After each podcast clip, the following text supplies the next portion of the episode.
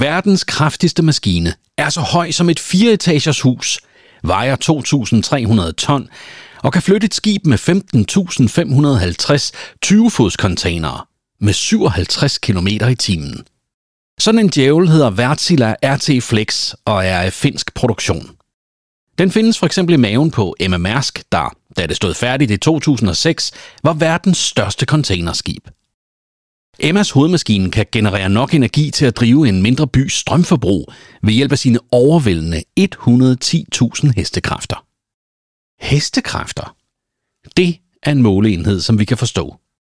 110.000 hestekræfter giver nogle billeder til de fleste mennesker, som 80.000 kilowatt ikke giver. Hvad er en centimeter? Det er en 100 del meter. Det er bare ikke nogen særlig fysisk størrelse, vel? Der var noget mere hverdagsagtigt, visuelt og konceptuelt forståeligt over de gamle enheder. En tomme eller en tønde, det er til at forestille sig. Nu vel, det er ikke særlig præcist, men det giver et billede. Derfor var hesten også det perfekte symbol på kræfter, da vi skulle til at måle og handle med dem. Du lytter til Djævelens Værk, en podcast af Patrick Bay Damsted, i dag om hestekræfter. Var der en ting, som man forstod før industrialiseringen, så var det hestens kræfter. Den trak, drev og transporterede for mennesket, før vi fik maskinerne. Eller måske før maskinerne fik os. Det kommer lidt an på, hvordan vi vender perspektivet. En hest bliver træt, og derfor må mennesket lægge pauser til vand, mad og søvn ind i hverdagen. En maskine bliver ikke træt, og derfor må nogle mennesker møde og arbejde om natten og på helligdage, for der er ingen naturlige årsager til at stoppe og holde pause. Der er rimelige beviser for, at hesten har levet længere på jorden end vi mennesker. Man mener, at de første heste, som dengang var på størrelse med store hunde, vejede ca. 45 kilo og levede i og af skovene i Nordamerika. Klimaforandringer gav næring til nye græsdækkede arealer, og for ca. 20 millioner år siden begyndte der at opstå nye hesteraser, hvoraf nogen var væsentligt større og levede af græs. For omkring 11 millioner år siden begyndte vi at møde Dinohippus, som har forladt de tropiske skove, lever af græs og går på hove, der kun har én tog. Selvom denne race for længst er uddød, det gjorde den for cirka 4 millioner år siden, så er den så tæt, som historien kommer, på de hesteraser, vi kender og har i dag. Det vil sige, at det, der ret sikkert bliver til den hest, som vi kender i dag, opstår allerede 10 millioner år efter dinosaurerne uddøde, men faktisk tæt på 50 millioner år før vi ser det, som med tiden bliver til os, mennesket. Som så meget andet flora og fauna har vi domesticeret og civiliseret det, så det kom i vores tjeneste og ikke var alt for vildt. Hvis du stod op i morges og så dig i spejlet, mens du ærgede dig over, at du ikke havde slukket den forbandede mobil lidt før og sovet lidt mere, så kan du takke Thomas Newcomen. Hans opfindelse har en form for sandwich-effekt på din hverdag, der gør, at uden ham vil den formodentlig se helt anderledes ud. Fra vi lærte, at ilden til en vis grad kunne tæmmes, har vi brugt den til at styre og udnytte naturen omkring os. Uden ild vil vi ikke kunne tilberede vores mad på en måde, der gør, at vi kan have så store og forslugende hjerner.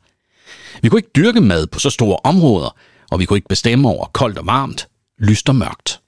Thomas Newcomen var isenkrammer, i ordets gamle betydning.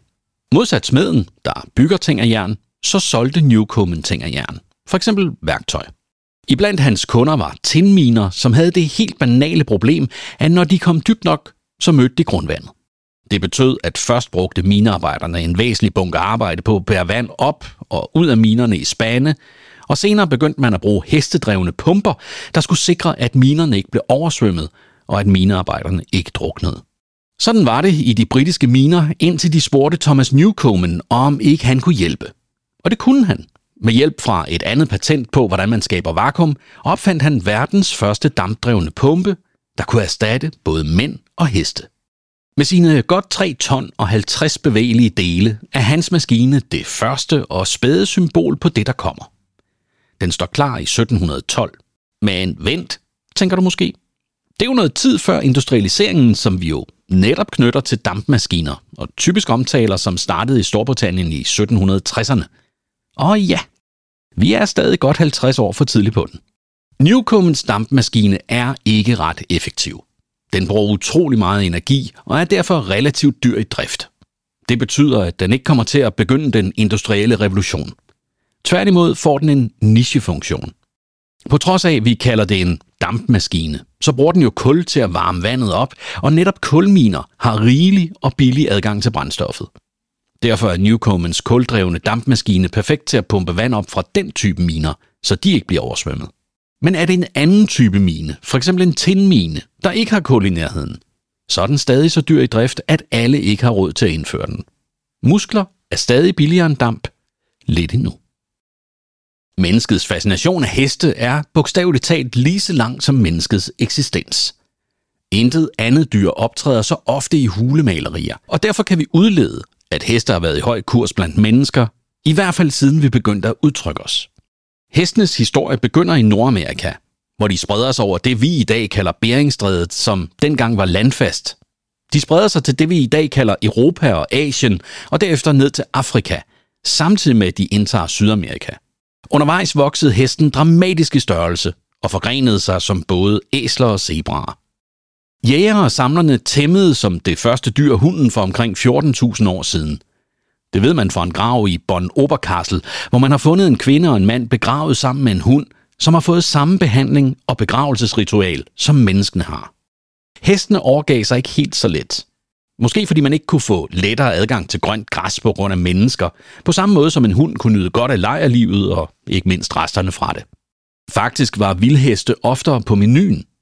Men mere end det, deres knogler blev brugt til at lave værktøj ud af. I Nordamerika kan man næsten ikke finde hesteknogler, der er fra perioden fra 15.000 til 5.000 år siden.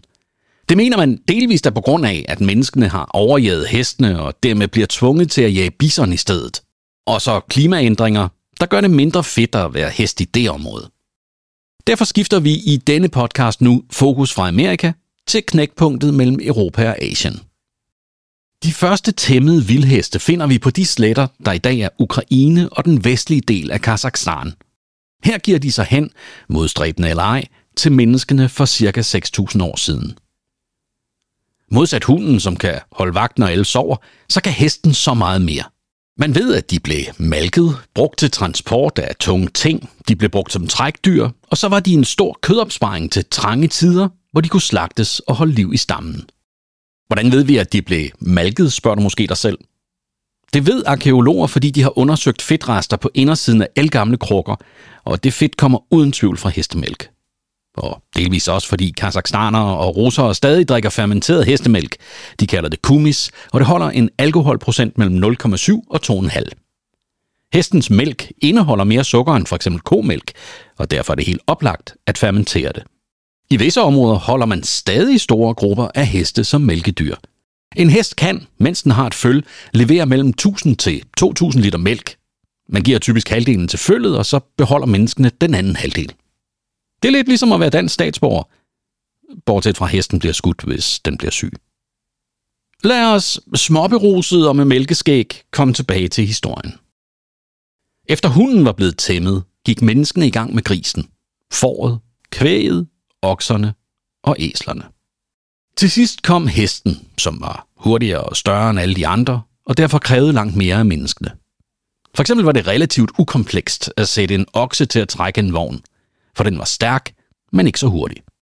Hestene derimod krævede, at steppefolkene udviklede en særlig type af vogn. Faktisk er typen, som vi senere begyndte at kalde en stridsvogn, der havde en mekanisk udveksling, så hestens kræfter ikke trak vognen i stykker. Til gengæld var der ikke så mange, der red på hestens ryg dengang.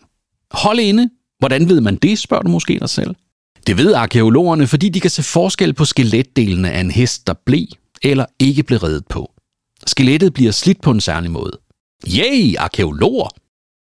Selvom ingen havde hørt om Darwin dengang, så vidste menneskene, at de kunne fremavle dyr, der havde flere af de træk, som de ønskede.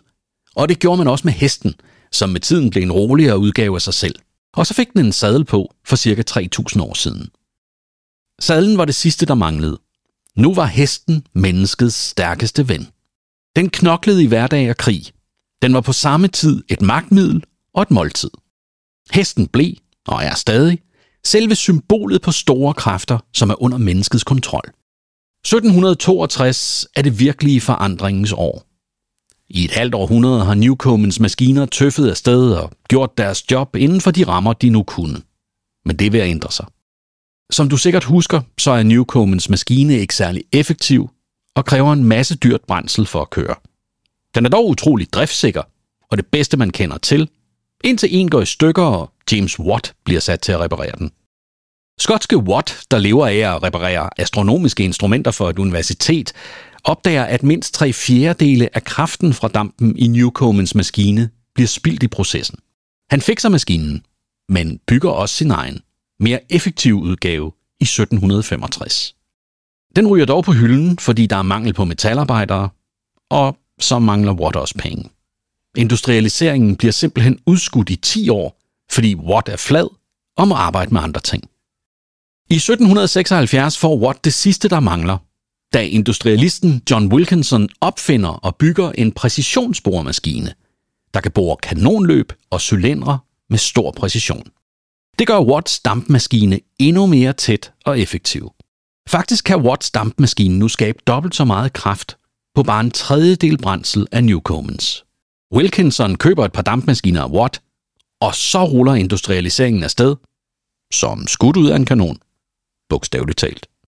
Dels er dampmaskinen optimeret og klar til verden, men Watt forstår, at verden også skal være klar til dampmaskinen, og derfor laver han et af de mest effektive reklamestunts nogensinde. I dag bruger vi Watts efternavn som måleenhed for, hvor meget energi noget yder, men James Watt ved, at hans kunder kommer til at være smede, landmænd, minearbejdere og andre, der kommer med et mere pragmatisk syn på verden. Derfor bruger Watt et udtryk for, hvor kraftfuld hans maskine er, som han ved, de forstår. Det afspejler det, som mennesket har brugt som enhed for styrke og kraft i mere end 3.000 år, fra stepperne til fabrikkerne. Han kalder det hestekræfter. Du har lyttet til Djævnens Værk, en podcast om alt det, vi møder i vores liv, som fanden har skabt. I dag om hestekræfter. Ved du, hvordan du kan bruge dine menneskekræfter til at hjælpe denne podcast? Giv den din anmeldelse. Stik den de stjerner, du synes, den fortjener, der hvor du henter podcast. Husk at abonnere, og del gerne den her podcast med dine venner, hvis du tror, de kunne bruge en god historie fra tid til anden. Idé, tekst og indtaling er mig, Patrick Bay Damsted. Grafikken har Troels Berg lavet. Til vi høres ved igen. Ha' det godt.